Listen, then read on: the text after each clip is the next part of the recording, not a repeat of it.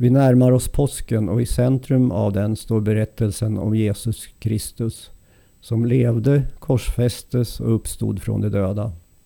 Inför påsken 2021 läser vi i Olivehällskyrkan hela Markus evangelium.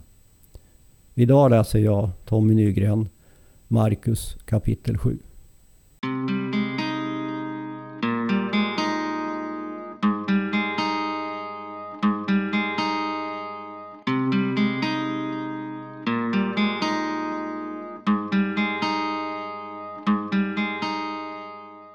Fariseerna och några skriftlärda som hade kommit från Jerusalem samlades kring honom och de såg att några av hans lärjungar åt bröd med orena händer, det vill säga utan att tvätta sig. Fariseerna och alla andra judar håller fast vid fädernas regler och äter aldrig utan att tvätta sig om händerna. Och när de kommer från torget äter de inte utan att ha badat sig rena. Det finns också många andra traditioner som vi håller fast vid. Som att skölja bägare, kannor och kittlar. Därför frågade fariseerna och de skriftlärda honom. Varför lever inte dina lärjungar efter fädernas regler utan äter med orena händer? Han svarade. Jesaja profeterade rätt om er, ni hycklare, när det står detta folk ärar mig med sina läppar, men deras hjärtan är långt ifrån mig. Fåfängt dyrkar de mig, ty lärorna de lär ut är människors bud. Okay. Ni vänder er från Guds bud för att hålla fast vid människornas regler. Och han sa, det är just det rätta, att upphäva Guds bud för att låta era regler gälla. Mose sa, Visa aktning för din far och din mor och den som smädar sin far eller sin mor skall dö.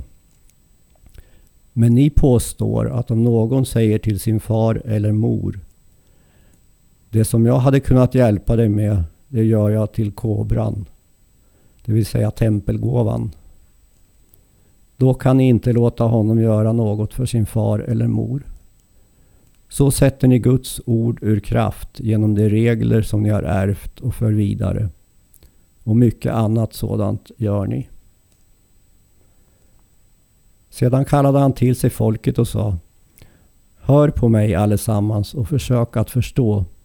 Inget av det som kommer in i människan utifrån kan göra henne oren. Bara det som kommer ut ur människan kan göra henne oren.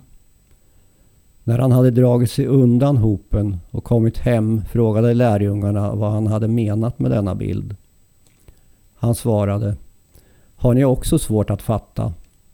Förstår ni inte att inget av det som kommer in i, i en människa utifrån kan göra henne oren? Ty det går inte in i hjärtat utan i magen och kommer sedan ut på avträdet. Därmed förklarade han all föda ren. Men han sa det som kommer ut ur människan, det gör henne oren. Ty inifrån, ur människornas hjärtan, kommer de onda tankarna, otukt, stöld, mord, äktenskapsbrott, själviskhet, ondska, bedrägeri, liderlighet, avund, förtal, högmod, förblindelse. Allt detta onda kommer inifrån och gör människan oren. Han begav sig bort därifrån och kom till trakten av Tyros, där han tog in i ett hus. Han ville inte att någon skulle få veta det, men lyckades inte hålla sig undan.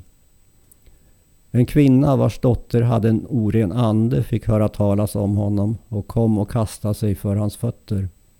Hon var inte judinna utan av syrisk-fenikisk härkomst. Nu bad hon honom driva ut demonen ur hennes dotter. Han sa Låt barnen äta sig mätta först. Det är inte rätt att ta brödet från barnen och kasta det åt hundarna. Nej, herre, svarade hon. Men hundarna under bordet äter smulorna som barnen lämnar kvar. Då sa han till henne. För det ordens skull säger jag dig. Gå hem, demonen har fallit, farit ut ur din dotter. Och hon gick hem och fann flickan liggande på sin säng, fri från demonen. Sedan lämnade han trakten kring Tyros och gick över Sidon till Galileiska sjön i Dekapolisområdet. Där kom det till honom med en man som var döv och knappt kunde tala. De bad Jesus lägga sin hand på honom. Han tog honom avsides från folket och stack fingrarna i hans öron och spottade och rörde vid hans tunga. Sedan såg han upp mot himlen, andades djupt och sa till honom Efata. Det betyder öppna dig. Med ens öppnades mannens öron och hans tunga löstes och han talade riktigt. Jesus förbjöd dem att berätta det för någon. Men ju mer han förbjöd dem, desto ivrigare spred de ut det. Och alla blev överväldigade och sa allt han har gjort är bra. Det döva får han att höra och det stumma att tala.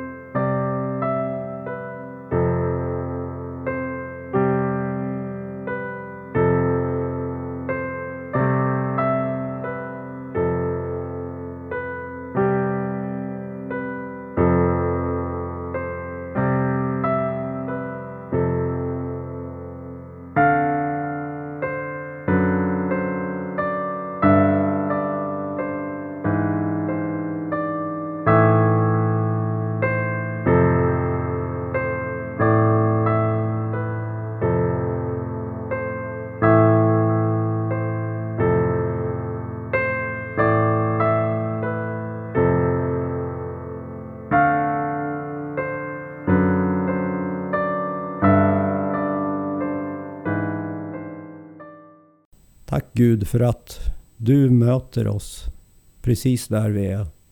Tack för att vi inte behöver göra någonting speciellt för att få komma till dig. Du tar emot oss. Tack att du sände din son Jesus Kristus. Och tack Jesus för att du har offrat dig för vår skull.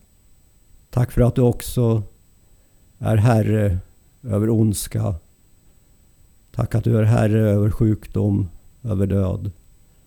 Tack att du upprättar, du helar och du visar på en väg som vi kan få följa. Amen.